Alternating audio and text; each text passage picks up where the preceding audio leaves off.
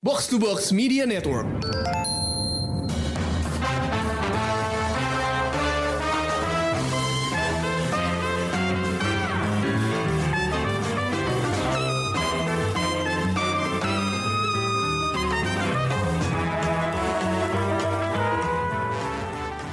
Pendengar Showbox, setelah sekian lama akhirnya Showbox balik lagi dengan sebuah episode Korea Vakansa.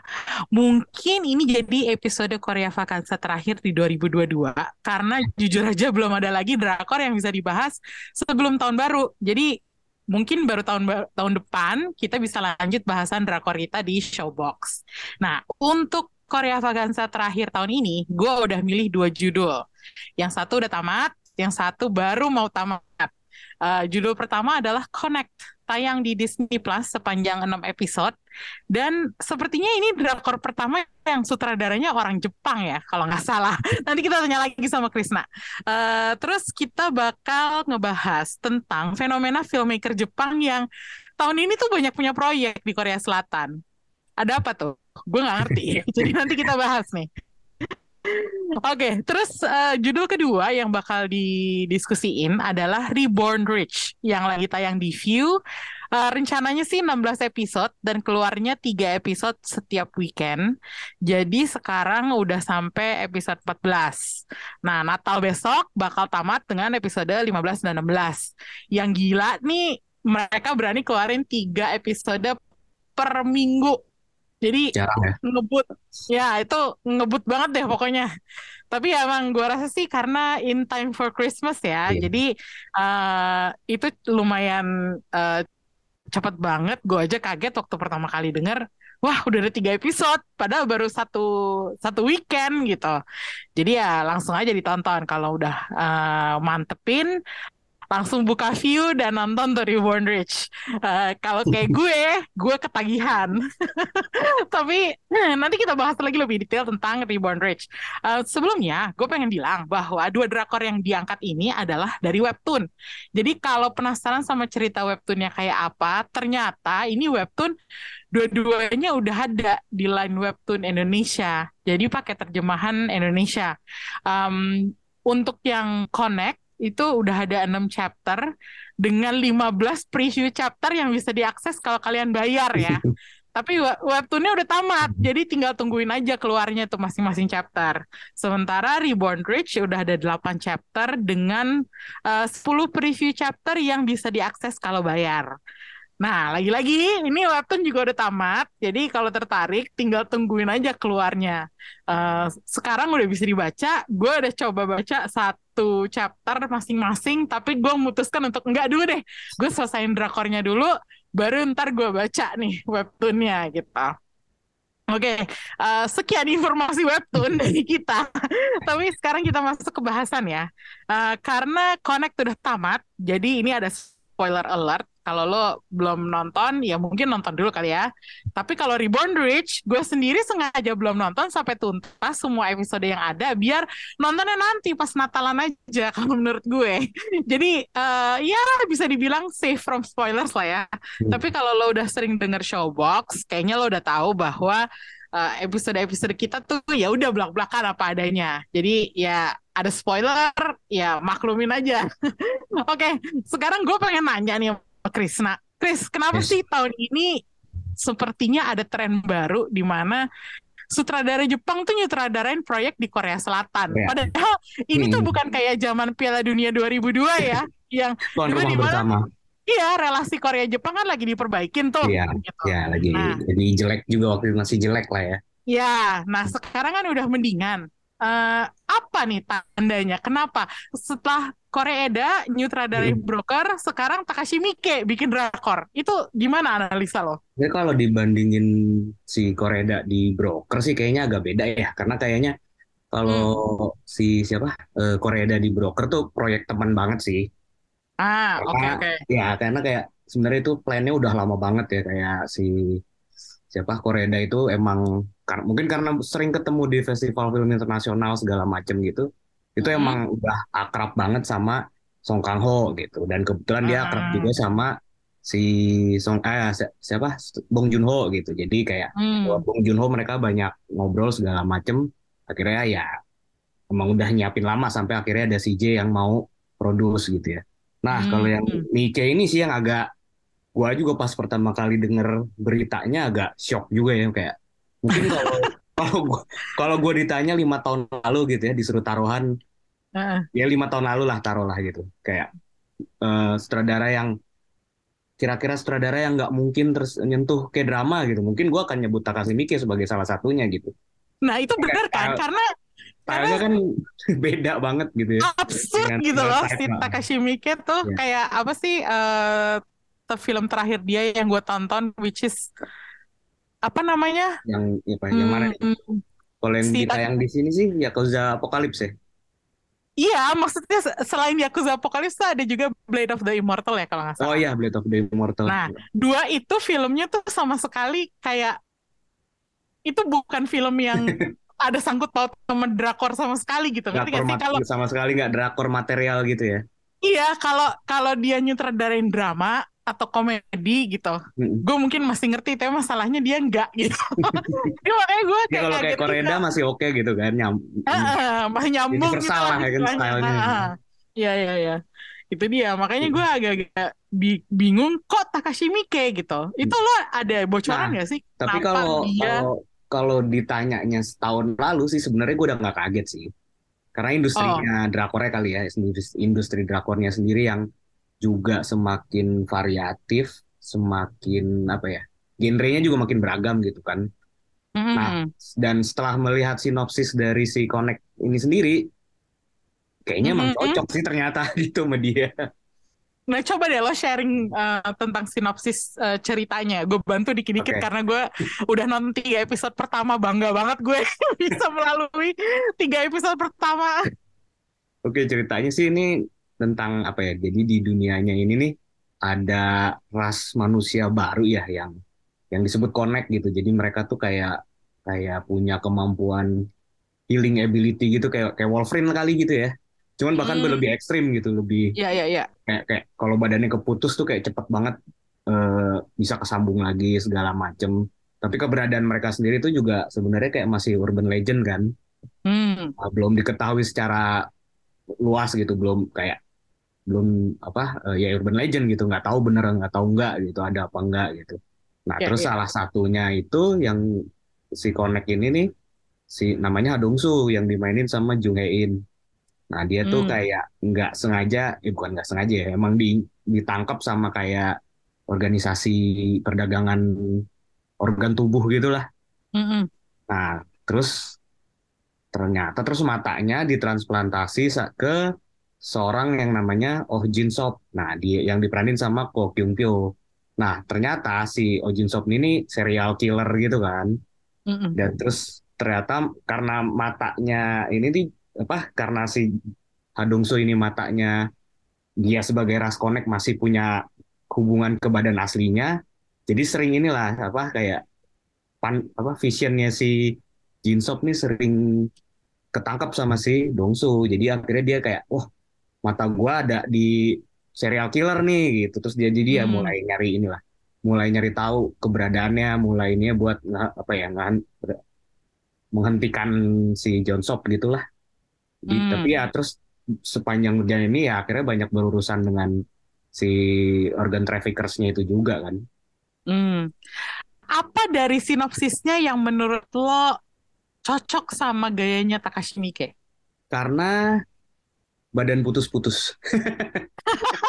Kayak maksudnya dengan karakter apa ras connect yang badannya bisa terputus dan cepat kesambung lagi, ya kebayang nggak sih actionnya bakal banyak. Iya sih. Sayang kan kalau kalau jenisnya udah kayak gitu tapi nggak banyak badan terputus. Nah dari situnya sih kayaknya udah udah oke banget gitu ya. Maksud dan dan menurut gua stylenya si Miike juga kan emang ultra violent tapi eh, apa ya komikal kali ya. Iya, kayak nggak nggak dibuat realistis gitu. Iya gitu. Bukan Jadi mungkin bukan scene yang realis banget sampai Heeh. kita tuh jadi jijik sendiri gitu. iya. Mm-mm. Ya ya. Gue emang ngerti sih. Gue ngeliat posternya terus gue langsung kebayang bahwa oh ini emang gayanya Mike kayak begini gitu. Hmm. Eh, tapi buat gue kenapa tadi gue bilang gue bangga melalui tiga episode pertama? Yang gue sendiri struggle sebenarnya nontonnya. Kayak gue nggak- bisa nonton cepet-cepet juga tapi gue berhasil melalui satu episode per satu episode gitu. Eh, gue menurut menurut gue ini levelnya tuh agak terlalu ekstrim buat sebuah drakor ya kalau menurut gue nih. Iya. kayak CGI-nya bagus Gue nggak jijik lihat bola mata yang copot atau Mm-mm. tangan Dongsu yang dipotong Iya. tapi menurut lo ini tuh kayak buat level drakor itu terlalu ekstrim gak sih kalau gue sih ngerasanya banyak orang jadinya kayak takut nonton ini karena Hmm, nggak biasa ngelihatnya gitu mungkin buat mayoritas penonton drakor iya kali ya. Mak- Makanya kan si Connect ini juga tayangnya kan di Disney Plus kan, bukan di TV Hmm. kan. Nah itu mungkin Hmm. Salah satunya sih kenapa dia nggak tayang di TV ya mungkin cukup ekstrim. Tapi ya balik lagi sih, eh, ya kayak lu bilang tadi lu juga nggak jijik gitu kan, karena nggak nggak. Karena ya, MIC violentnya kan kadang ya gitu agak komikal jadi eh, apa nggak realistis lah gitu. Jadi ya kita masih ngeliatnya masih bisa keren gitu tanpa terlalu ngilu gitu ya. Walaupun ada beberapa bagian gue juga tetap ngilu sih ngelihatnya sama ya kayaknya juga penonton drakor sekarang udah udah udah biasa nonton yang lebih variatif juga ya maksudnya beberapa serial zombie pun cukup violent kan Hmm. kayak Sweet Home, kayak All of Us Are Dead gitu kan di eh, apa ya lumayan lumayan violent gak sih di beberapa lumayan bagian? violent tapi gaya gaya violentnya agak beda ya kalau Beda menurut ya. gue karena ini beneran kayak dia dibelek kayak matanya Lebih tanpa beneran basa-basi kali ya. heeh, gitu loh terus udah gitu nggak ditutup-tutupin gitu Mm-mm. kadang kalau kita nonton drakor tuh kan kadang beberapa adegan tuh masih disensor Iya. Contohnya gue sering banget nonton drakor yang te- tentang serial killer tapi pisaunya di blur gitu. Ini Mm-mm. tuh enggak gitu. Orang main potong aja pakai kapak gitu. Langsung apa atau kebaca ininya angle-nya gitu ya Mm, gitu. Jadi gue kayak wah ini laku nggak ya sama uh, penyuka drakor? Gue Nah, rasa sih gitu target marketnya jadinya bukan penonton Iya. drakor ya, Chris? iya karena secat- di luar violentnya stylenya juga lumayan apa ya lumayan dunianya lumayan absurd kan maksudnya nggak kayak walaupun ceritanya dunianya dunia biasa gitu maksudnya cuman yang bikin aneh karena ada ras ini doang gitu kan tapi lu Hmm. ngerasain nggak atmosfernya tuh beda gitu kan gelap Banget. Iya beda banget. gitu. Contohnya, gue kaget juga waktu ngelihat ada adegan seks eksplisit. Itu jarang banget kan oh di iya drakor. lumayan Maksudnya, lo nonton Forecasting Love and Weather, iya ada adegan seksnya, tapi tuh kayak mild banget eh, mild banget gitu. Sementara ini tuh yang gue, wah, kayak gue agak shock gitu. Mm-mm. Karena gue nggak menyangka itu ada di sebuah drakor. durasinya pun lumayan ya Iya, terus sudah gitu kayak gini loh. Kayak eh, contohnya ya, kalau kebanyakan drakor pakai lagu pop, lagu iya K-pop. betul Eh, tapi di sini musik yang dipakai tuh lagu akustik, terus nadanya agak indie gitu. Terus di Eh, minimalis gitu ya kayaknya iya minimalis, terus udah gitu storytelling dan pacingnya juga rada beda loh. Karena cuma 6 Hmm. episode dan cepet banget. Tiba-tiba episode 3 udah ada kontak ternyata antara si Iya, Dongsu cepet. sama si Oh Jin Sop gitu. Meskipun mereka belum ngomong, tapi udah ketahuan koneksinya mereka gitu.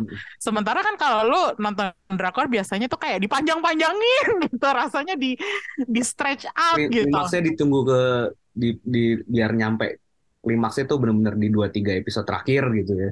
Iya, itu makanya gue agak mer- bertanya-tanya apakah ini influence-nya Takashi Miike atau emang skripnya sengaja kayak gitu gitu. Kalau lo yang Hmm. lo baca dari serial ini tuh gimana? Ini kan penulisnya kebetulan juga yang untuk naskah adaptasinya ya. Hah? Jepang juga kan Masaru Nakamura. Jadi menurut gua sih Oh. pasti ada ada pengaruh dari Takashi Miike gitu ya kan. Film Takashi Miike juga cenderung cepat kan biasanya.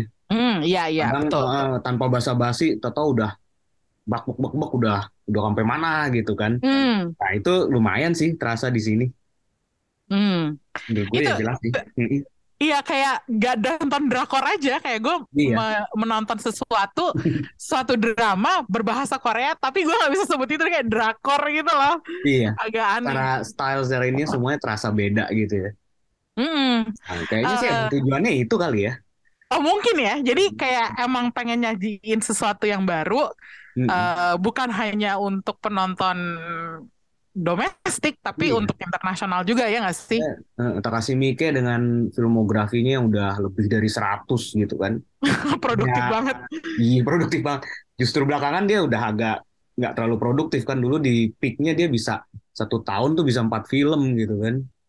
Itu ajaib banget sih dulu Iya dia. itu gila sih dia dulu di peaknya. Gue sampai udah bingung film yang dia lagi yang mana lagi nih gitu dulu. Iya kayak gitu. Kayaknya ya ada alasannya kenapa dia gitu. Karena dia udah punya style yang sangat distintif kan.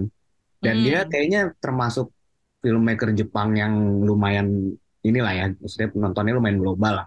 Lumayan Hmm. banyak muter-muter di festival kan dia. Iya, iya. Eh, nggak usah disebut lagi di Indonesia juga udah punya ini ya, udah punya nama dia. Iya. Soalnya eh, apa filmnya eh, sempat ngetop di sini yang judul kedua tadi yang lo sebut ya ada Yayan Ruhiannya kan? Iya itu Apokalips ada ya. Iya, itu itu dia. absurd banget sih itu. Oke, Tapi ya tapi itu sih. Mungkin mungkin kadang itu juga yang jadi kelemahan Nike dan itu cukup gua rasain sih di sini ada apa ya? Eh sebenarnya kan film ini selain selain soal pencurian organ, perdagangan organ, pembun apa serial killer segala macem, Mm-mm. berusaha nyentuh soal ini kan diskriminasi ke koneknya itu sendiri kan Ah, dan kesepian yang dirasain sama si Dongsu kan. mm, Nah, menurut gue dua hal itu agak tanggung sih di kulitnya. hmm. Berarti mungkin harus 10 episode kali ya biar bisa Nah, lengkap sepuluh gitu. juga sih. 10 kayak kepanjangan. Gue pengen mungkin gue cukup pengen loh 10 soalnya gue eh, cukup apa ya menikmati penampilannya Jung Hae In. Gue nggak tahu kenapa di sini eh, dengan dia yang seperti ini kan dia agak-agak dia kan bukan kayak action man atau gimana gitu ya. Si Mm-mm. Dong Su nih masih agak-agak eh, bisa dibilang awkward gitu Iya. dan nggak bukan yang kayak tipe charming atau pemberani gitu. Tapi gue orang yang susah bergaul juga gitu kan cerita. iya, tapi gue suka banget sama penampilannya di sini. Iya. Ka- kalau dibandingin sama si Ojin Sop si Ko Kim Pyo Hmm. yang baru aja gue lihat di 645 dan dia main kan konyol kan Iya betul.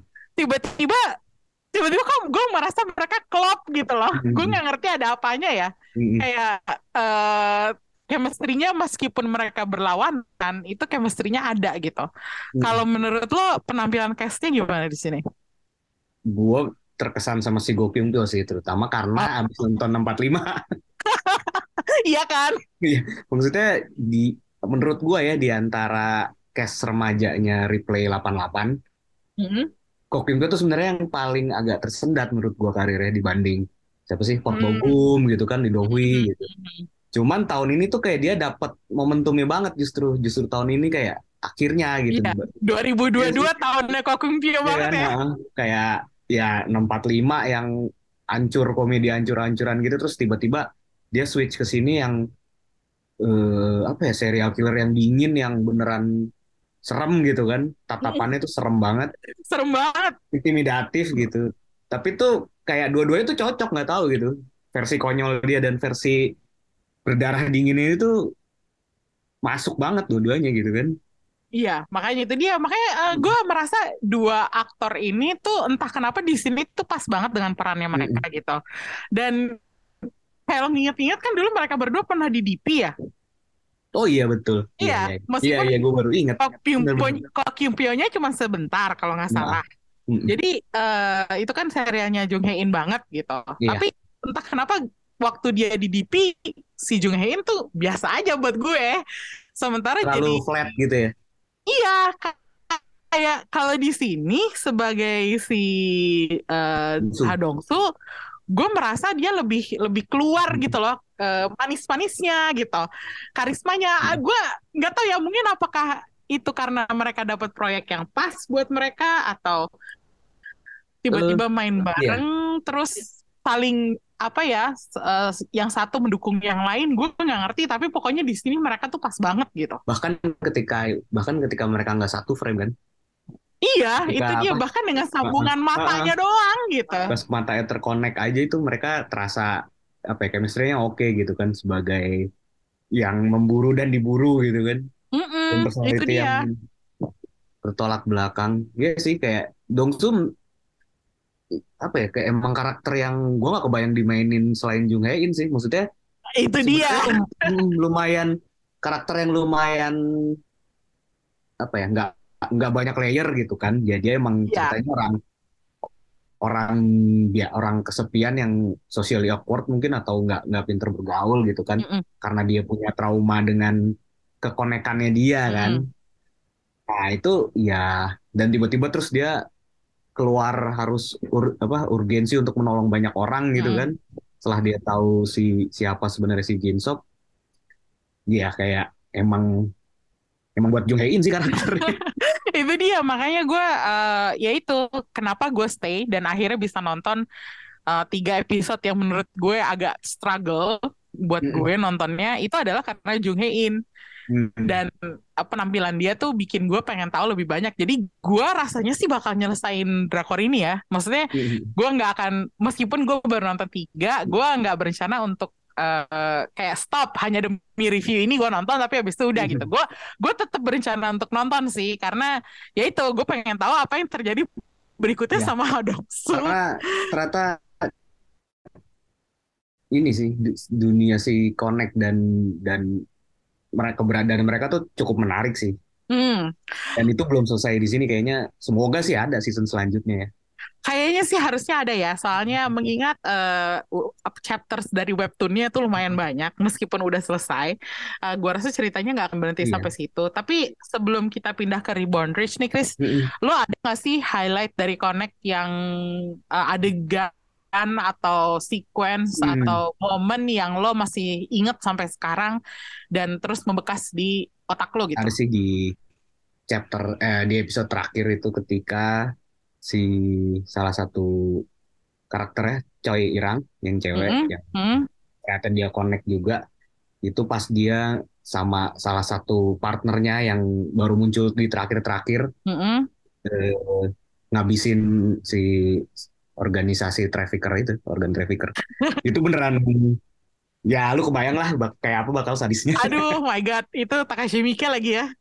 iya ada ada satu scene yang wah gila maksudnya ya berhubungan dengan kepala putus lah Oke, oke. Ini kayaknya gue harus gue harus persiapan Bener-bener mental brutal banget sih. nih Ya, untuk itu di nonton. terakhir ya, udah menjelang klimaks Gue sebenarnya baru sampai episode 3 nih, tapi udah ada satu adegan pembunuhan yang memorable Iya. banget buat gue. Itu pas eh, si Ojin Stopnya dorong salah satu koleganya dari ah atas gedung ke bawah, terus tiba-tiba badannya kena ke kaca dulu kan, plek gitu. dan ada slow mo dulu kan maksudnya jadi kayak Iya, iya. kayak salah satu kolega lainnya ngeh kalau itu koleganya gitu kan Iya, iya, itu kayak apa sih? Oke, kita Hmm. sudah ber- berkali-kali disuguhkan dengan Hmm. adegan orang lompat dari apa ya, atau dijatuhin dari gedung atas gedung uh, ke bawah gitu.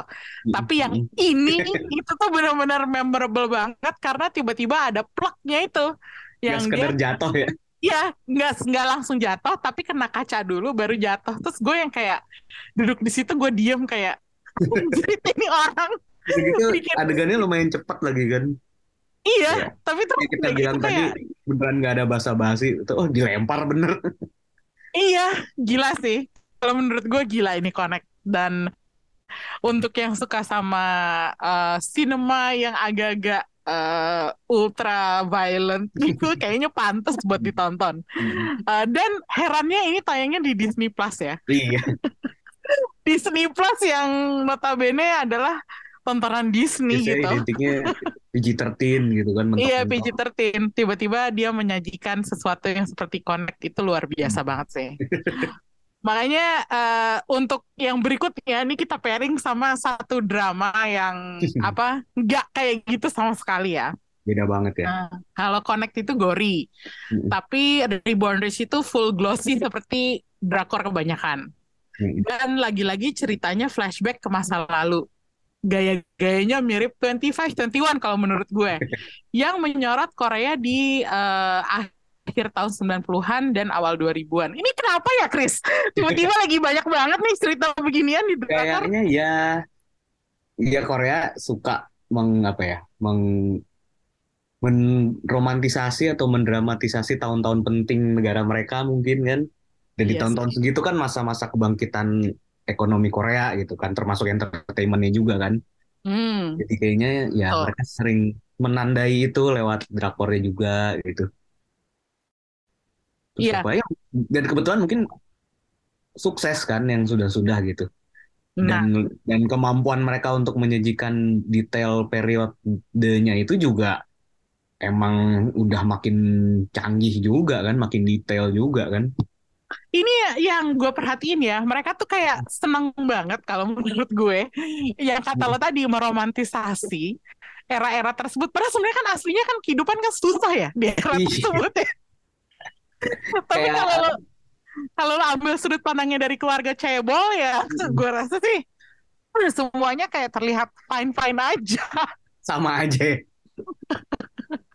gue gue jujur aja gue sebenarnya awalnya nggak pengen sih nonton Reborn Rich ini Karena- baru ngintip dikit. nah itu soalnya ceritanya lagi-lagi tentang keluarga kaya keluarga konglomerat dengan eh, cerita tentang ahli warisnya yang self entitled terus Hmm. ada gitu eh, ini tuh tema kayak gini kan udah sering banget ya Hmm. tahun ini aja gue udah nonton dua nih serialnya Lee Hani yang ceritanya juga tentang keluarga kayak begitu yaitu Wonder Woman terus ada Little Women yang Iya. sedikit-sedikit Nyenggol-nyenggol. yang Iya nying Cebol nyenggol juga. nyenggol cebol juga gitu.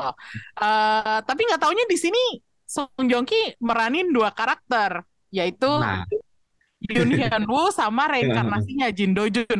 reinkarnasi lagi kan di situ. Nah itu dia kayak gue pertama kali ngeliat sinopsisnya udah langsung hah reinkarnasi kehidupan kedua wah gue langsung tertarik nih kayak gue juga pengen lihat katanya orang-orang bilang si Song Joong Ki di sini main jadi karakter yang jauh lebih muda daripada usianya Nah, gitu gimana?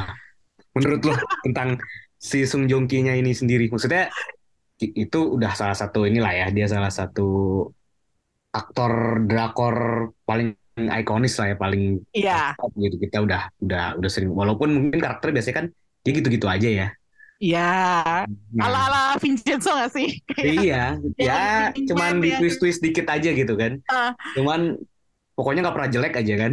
nah itu dia di sini juga pun sebenarnya dia nggak nggak jelek ya cuman agak kayak gue merasa di sini aktingnya dia harus dibikin lebih apa ya ada harus ada lebih effortnya Mm-mm. karena dia meranin anak muda gitu dia dari usia Iya. kuliahan umur 19 tahun Mm-mm.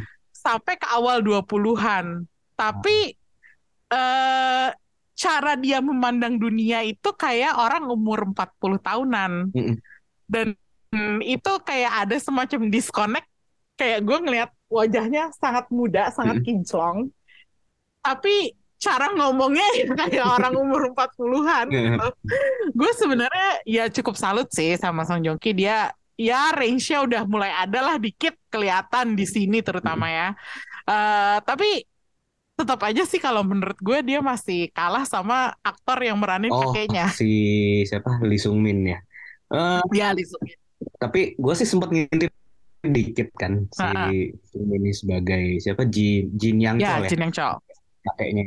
Eh karakternya kan teriak-teriak mulu gitu kan. Heeh. Nah, itu kan sebenarnya lumayan stereotype dia juga kan Lee Sung Min di di terakhir kita nonton dia di mana ya gue lupa yang dia jadi hakim tuh. Juvenile Justice Eh, ah, Juvenile Justice pun kan dia teriak-teriak Ah. terus kan. Nah, kenapa menurut lo dia bisa apa ya apa ya lebih oke dari Sung Joong Ki di sini? gue nggak tahu ya mungkin karena eh eh, karakternya tuh gray area banget sih Chris. Jadi dia bukan Oh, orang baik dan tapi dia mengakui dia bukan orang baik. Oke. di episode se- 10 apa 11 ya kalau nggak salah dia tuh ngaku dia dalam di dalam badannya itu punya keserakahan eh, dia nggak bisa loyal dia akan mengkhianati orang-orang terdekatnya gitu itu semua dia akuin tapi kalau dia memandang si cucunya ini si Jin Do Jun ini terpancar sebuah kayak apa sih rasa kagum bahwa oh ada orang yang mirip gue gitu loh Oh. jadi jadi gue merasa kakek ini tuh sebenarnya sayang sama nih cucu, cuman ya seperti semua para pria kebanyakan di dunia ini gitu. Mereka tuh kayak nyimpen nyimpen emosinya gitu. Mm. Jadi gue ngerasa ada sesuatu yang layered gitu Hmm. dalam diri si kakek ini yang kayaknya kalau lo kalau lo gali sebenarnya itu tuh sebenarnya dia tuh mungkin lo bisa bilang orang baik cuman dia udah kenal kenal penderitaan harus kerja keras ha- harus berjuang demi membangun kekayaan jadi nggak heran dia jadi kayak Itu udah gitu kayak gitu survival mode-nya dia gitu ya. Iya, jadi gue merasa nih kakek sebenarnya dia nggak dia nggak 100% gue bisa Hmm. bilang jahat sih meskipun dia ngaku dia jahat gitu. Itulah yang kalau menurut gue cara penggambaran karakternya yang gray area itu cukup menarik sehingga gue merasa aktingnya itu butuh akting yang nuance gitu, yang yang nggak sekedar leading man charming gitu. Hmm. Nah kalau si Song Joong Ki itu masih di sini masih tetap jadi leading man, eh, the charming kind. Jadi kalau dibanding sama Song Joong Ki ya.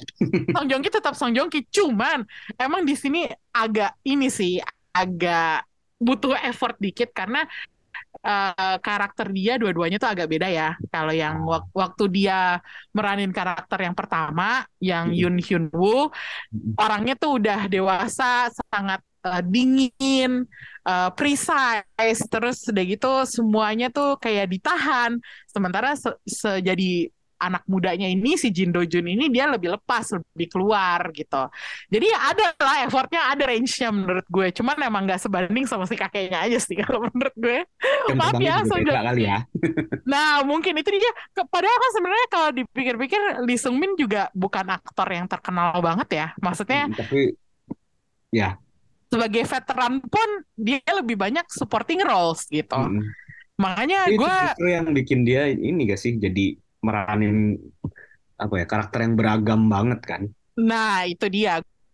Gue rasa jam terbangnya iya. itu dari berbagai macam karakter yang apa yang pernah dia mainin itu akhirnya bikin dia tuh di sini jadi apa ya? Jadi lebih menonjol. Kayak gue gue pengen bilang bahwa sebenarnya ini karakter eh, utama di eh, serial ini bukan cuman si Song Joong Ki-nya doang, tapi karakternya si Lee Sung Min juga. Jadi harusnya ini kayak ya two-hander gitu loh. Jadi lo nggak bisa bilang, oh ini drakornya Song Joong Ki. Gue nggak merasa ini hanya punyanya Song Joong Ki. Gue merasa ini punyanya dia dan Lee Sung Iya, Min gitu. Ngerti nggak? Ya kan seperti inilah ya kan maksudnya kita sering lihat kan memang aktor-aktor senior yang spesialis supporting role di drakor itu kan sebenarnya sering kali acting mereka tuh le- lebih powerful gitu, lebih mencuri perhatian kadang kan. Cuman karena Betul. role-nya aja yang supporting jadi ya eh, apa ya tetap harus menyisakan ruang untuk si leading role gitu kan. itu dia. Hmm.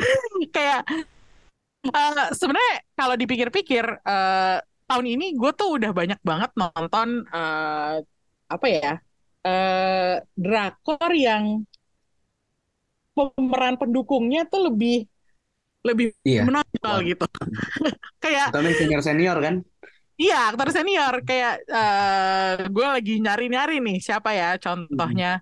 eh kayak ini nih, co- contohnya ada eh, aktor namanya Jung In Gi. Dia tuh kalau di setiap drakor itu selalu Hmm. main jadi kepala polisi, kepala Oh. polisi korup, Ya, kepala ya, ya. kepala polisi apa ya, kepala polisi konyol yang hahaha hihi gitu. Itu semua dia yang main.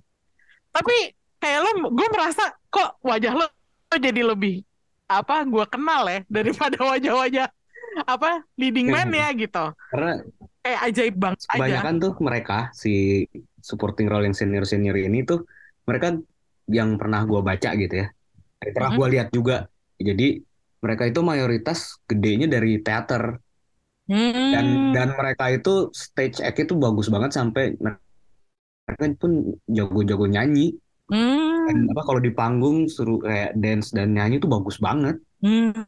Hmm. kayak di salah satu penghargaan tahun lalu atau tahun ini ya gue lupa awal tahun ini atau akhir tahun lalu gue lupa penghargaan apa itu tuh ngasih stage khusus untuk mereka nyanyi oh Jadi, iya iya iya aktor-aktor senior yang biasa kita sangat familiar ini nih mereka naik panggung eh, naik panggung gitu bareng rame-rame terus mereka nyanyiin satu lagu gitu itu menurut Iya. gue unik banget sih. Iya, Soalnya jadi- emang nggak bisa di di nggak bisa disangkal bahwa ya kadang-kadang yang bikin drakor itu jadi drakor itu mereka gitu loh. gue masih inget kayak tahun ini salah satu favorit gue kan Our Blues gitu ya Hmm. nah itu penampilan paling kuatnya tuh dari karakter ibunya eh, Lee Byung Hun di situ Oh ya? Siapa yang Iya. main? Hmm? Siapa yang main? ah gue lupa aktor senior banget lah yang pastinya lu juga familiar Kayaknya kalau kita buka eh, Asian Wiki gitu, gue langsung, Iya. oh ya ini dia gitu. dan dia terus kayak ternyata wah gue udah nonton dia di sini nonton dia di sini gitu kan Iya. Mhm. Kayak sebenarnya, eh, oke, kalau aktor-aktor eh, non leading man ya sih, kalau menurut gue di Reborn Rich tuh ya eh, oke lah, lumayan lah kayak yang jadi neneknya tuh juga gue cukup sering lihat. Uh, di Reborn Rich. Tapi uh, yang sebenarnya gue lebih tertarik itu adalah sama karakter yang meranin anak kecilnya si Song Joong Ki. Jadi si Song Joong Ki di sini kan ceritanya kan ada saat dia masih muda ya, Masih masih anak-anak. Terus orang-orang bilang itu aktornya eh apa namanya bagus banget maininnya. Terus gue Oh, iya, kayak iya. "Si- siapa sih gitu. Ternyata yang main tuh namanya Kim Kang Hoon. Mhm. Dan kalau lihat emang dia wajahnya lumayan mirip sih sama si Song Joong Ki. gue udah beberapa kali nonton dia terakhir di film eh, Miracle Letters to the President Oh, oke. film terbaik Korea tahun lalu itu dia bareng sama ini juga Lee Sung Min Oh Gitu. my god. sama di Rocket Boys paling terkenal dia Gue kayak, gue tadinya kayak, ini orang kenapa sih tiba-tiba pada ngomongin Song Joong Ki dikalahin sama Lee Sung Min pertama. Terus gue baca Song Joong Ki eh, apa aktor ciliknya Song Joong Ki menyamakan sama si Song Joong Ki nya gue bilang wah saingannya banyak banget nih Song Joong Ki siapa ya terus ternyata pas gue lihat ah masih anak kecil dia padahal di Rocket Boys tuh udah jadi anak SMP ya. SMP atau SMA ya gue lupa. Tapi emang ceritanya ini sih apa yang paling muda di tim bulu tangkisnya lah. Hmm. sama oh dia main di ini juga startup. Ah di startup? di, jadi enam dosan kecil dia. Gue nggak inget sejujur gue nggak inget kalau di startup. Iya dia tapi enam dosan kecil. Mungkin dia Jok itu masih jauh lebih muda lagi juga. Waduh Kim Hmm. Kang Hoon masa depan lu Hmm. cerah. Iya oke. Ya sih dia udah udah banyak banget loh ininya dramanya eh, drakornya. Iya sih. Kalau dilihat filmografi filmnya Iya. pun lumayan. Hmm, dan terutama di Miracle itu kan memang itu salah satu film terbaik Korea tahun lalu. Gue nggak nonton lagi. Ada di gue nonton di mana ya? Ada di OTT sinilah. Di Ada ya? film atau ah, ada ada Oke, nanti gue cari. Tapi ngomong-ngomong ya, eh, ini episode 12 kalau nggak salah, nanti akan menyentuh sebuah fenomena eh, budaya Korea yang lumayan besar pada eranya, yaitu eh, Piala Dunia 2002. Terus Oh. udah gitu, eh, itu dijadikan kayak semacam apa ya? Hmm, Kayak semacam pengetahuan bagi Jin Do Jun hmm, pengetahuan masa depan dia yang bikin dia jadi ahli investasi. Kalau menurut gue nih banyak banget ya trope kayak gini dipakai buat eh, di drama-drama reinkarnasi macam gini. Kayak Oh, kalau menurut sini Aduh gue gak tahu sih Chris Gue kayak Apa namanya Kayak gue beberapa kali Melihat Trope kayak gini tuh Masa ini berjalan sesuai Apa yang pernah terjadi gitu Karena kalau kita eh, ngomongin aturan time travel ya Heeh. Satu hal berubah Bisa jadi hal lain ikut berubah gitu loh iya Kayak Hmm. nggak mungkin semuanya sama seperti yang terjadi Tapi kan Oh. ada ada dua macam time travel apa ya eh, jenis time travel yang suka di film kan yang mengubah Ya. yang kayak Fifth Element gitu. Fifth Element kan ternyata nggak mengubah apa-apa gitu. Justru emang kejadiannya begitu looping aja gitu. Nah, itu dia. Ini tuh gua rasa tipe yang looping, tapi Hmm. agak ini juga sih, agak bingungin juga soalnya si uh, Jin Do Jun dalam narasi uh, monolognya dia bilang katanya apa yang harus terjadi bakal terjadi gitu. Mm, mm, mm. Nah, kalau itu kalau itu kejadian, berarti karakternya dia tetap akan mati pada akhirnya dan gue nggak terima Iya. Eh, kok gue tadi bilang Fifth Element ya? Twelve Monkey maksud gue. ah Twelve Monkeys Iya. ralat. Tapi ya, iya sih kayak kayak udah tahu gitu di depannya apa yang terjadi. itu dia gue sebenarnya agak ini kan tadi kan gue bilang gue sengaja nyimpen episode si Reborn Rich ini mau gue tonton pas Natalan nanti Mm-mm. Cuman gue sekarang jadi ragu nih Chris kayak apakah kalau gue tonton pas Natal nanti Natal Natalnya bakal jadi sedih karena gue harus ngelihat karakter ini mati gitu ngerti gak sih lagi ya. iya kayak kok eh, masalahnya drakor ini kan kadang-kadang kita nggak kita nggak suka nggak bisa ngebaca ya endingnya gimana Mm-mm. yang beneran happy Selalu ending happy juga ya. ya nggak selalu happy juga gitu jadi gue karena gue belum nonton dan kita semua nggak ada yang tahu kan endingnya gimana karena belum tayang gitu jadi gue sebenarnya Reborn Rich ini gue lebih pengen kalau ceritanya dia full happy ending aja sih soalnya Ya, ya dengan style yang kayak lu bilang glossy tadi dan cerita cebol biasanya kan memuaskan endingnya gitu ya. iya Ya, buat memuaskan buat penonton gitu kan. mm-mm. Jadi ya, ya memang mungkin lebih cocoknya gitu sih. Nah, masalahnya nih kan gue udah belajar nih ya. Tahun ini udah ada serial mirip kayak gini nih, yaitu Again My Life yang main Lee Jun Gi. Itu Mm-mm. kalau menurut gue endingnya nggak memuaskan karena eh balas dendamnya tidak tercapai gitu. Mm-mm. Kayak bukan full revenge seperti yang gue bayangin, nggak seperti ekspektasi gue.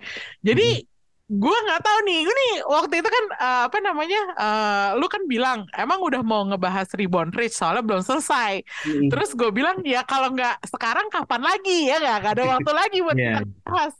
Tapi sekarang nih gue ngebahas, gue merasa agak conflicted karena ternyata tidak mengetahui endingnya itu sama sekali bikin gue nggak tenang gitu.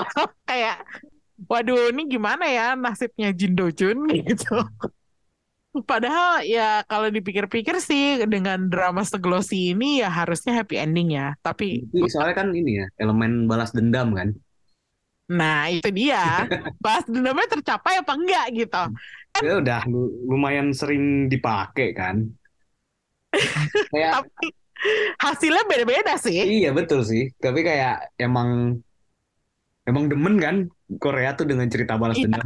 Maksudnya nggak cuma drakor tapi filmnya pun Iya, rekamnya betul. pun gede dengan revenge trilogi gitu kan. Iya, iya. Isinya revenge semua gitu. Iya, iya sih, nggak selalu memuaskan sih. Itu Ya, dia. emang kecenderungannya kita kalau nonton yang apalagi menyangkut cebol kan, Hmm. pasti pengennya terpuaskan dengan balas dendam yang tercapai. Tapi nggak selalu kayak gitu karena Iya. lagi-lagi ceritanya tentang keluarga konglomerat yang powernya besar gitu. Terus udah gitu di mana-mana kayaknya drama cebol tuh masih sampai sekarang sepertinya memihak cebol gitu. Eh, tapi gue mau nanya deh, eh, Ya. yang lu yang nontonnya udah lebih banyak dari gue gitu ya, Mm-mm. lewat jauh. Gue pernah sempat baca kemarin, eh, Mm-mm. kalau serial ini kan ratingnya tinggi banget kan ya di Korea, sukses Hmm. banget ya. di Hmm.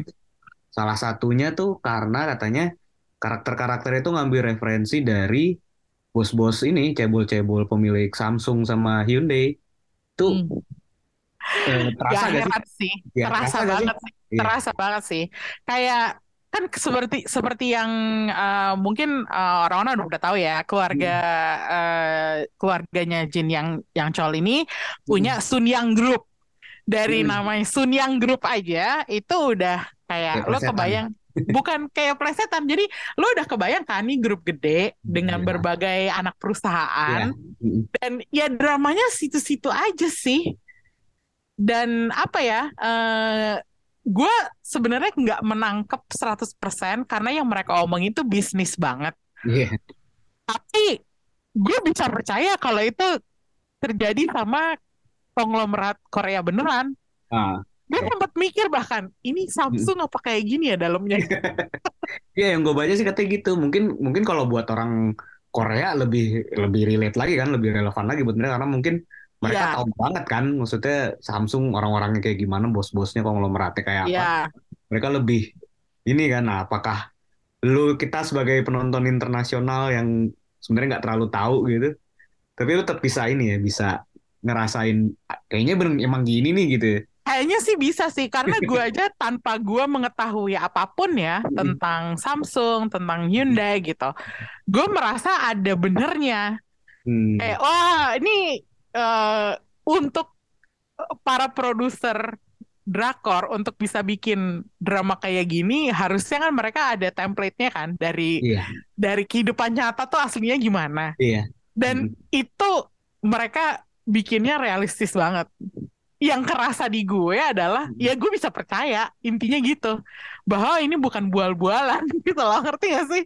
Jadi secara apa ya? Secara cerita kalau lo bilang itu ngambil inspirasi mungkin dari dunia nyata ya itu kerasa kerasa banget. Walaupun ada elemen reinkarnasi. Ya itu kalau itunya kan unsur magicnya ya lo anggap aja kayak salah satunya ya yang adegan yang menurut gue agak agak ngena gitu. Ada salah satu anaknya si Jin Yang Chol yang Hmm. nomor dua kalau nggak salah. Em, dia ini melakukan bisnis percaya sama hal-hal yang kayak numerologi, perhitungan Oh. tahun lahir, tahun apa namanya tahun lahir, terus apakah itu di siang hari apa malam hari kayak kayak gitu-gitunya tuh ada dan dia punya asisten khusus yang ngebacain prediksi ramalan itu. Tapi itu sesuatu yang sangat realistis juga gak sih? Iya, itu realistis Iya. karena nggak cuman di Korea aja kan. Iya. Maksudnya di Indonesia pun ada juga Ah, pebisnis ah, ah. yang mengandalkan hal seperti itu gitu. Hmm. Jadi kayak mungkin efeknya jadi komedi jadinya. Tapi sebenarnya itu Iya. it's real, itu bisa jadi Real. terjadi dan, seperti dan, itu. dan gitu. yang percaya beneran percaya banget gitu. Iya, makanya jadi gue merasa wah ini emang dia sampai sejauh itu untuk portraying, untuk memotretkan sebuah apa karakter yang lo bisa aja percaya itu ada di dunia nyata. Jadi ya kalau misalnya salah satu eksekutif Samsung di Korea kayak gitu, gue sih percaya banget. Gue percaya banget sih. Maksudnya dari gue ya orang awam ya dan gue kan nggak segitunya banget kenal budaya Korea. Paling cuma makanan doang gitu. Karena makanan lebih universal. Tapi eh, gue yakin banget kalau misalnya ada orang-orang misalnya orang-orang Indonesia yang kerja buat perusahaan Korea, mereka pasti bisa langsung mengetahui mengenali Ah, nah, stereotip iya. stereotipnya gitu. Iya iya iya betul betul. Gitu. Hmm. Jadi ya gue harap sih endingnya bakal memuaskan ya buat Reborn. Meskipun gue sama sekali nggak bisa memprediksi apa pun saat ini karena bahkan episode 13-14 aja juga belum nonton. Ya intinya ini sih menyiapkan diri untuk sesuatu yang tidak menyenangkan terjadi. Iya itu dia. Jadi eh, intinya gue bakal Natalan dengan eh, nonton dua episode eh empat Akhir. episode terakhir eh, Reborn Rich. Hmm. Eh, sebelum itu gue bakal juga menyelesaikan Connect. Jadi itulah dia tadi eh, bahasan Korea Vaganza kita di tahun 2022 ya udah selesai. Gimana Chris selama setahun ini ngebahas Korea Vaganza bareng gue? Wah seru sih maksudnya ya drakor selalu punya banyak hal untuk diomongin sih. Nah itu dia kan Dari bahasannya yang serius bisa. sampai yang goblok. itu dia. Gue harap eh, pendengar Showbox masih mau nemenin kita eh, tahun depan eh, saat kita ngomongin berbagai drakor lainnya di Korea Vaganza yang berikutnya. Untuk tahun ini eh, Korea Vaganza sampai di sini dulu. Eh, thank you Krisna udah nemenin gue untuk membahas Connect dan Reborn Rich. Eh, kita akan ketemu lagi di mungkin beberapa episode lagi sebelum tahunnya ditutup. Eh, tapi untuk Korea Vaganza sampai di sini dulu. Thank you. Bye bye.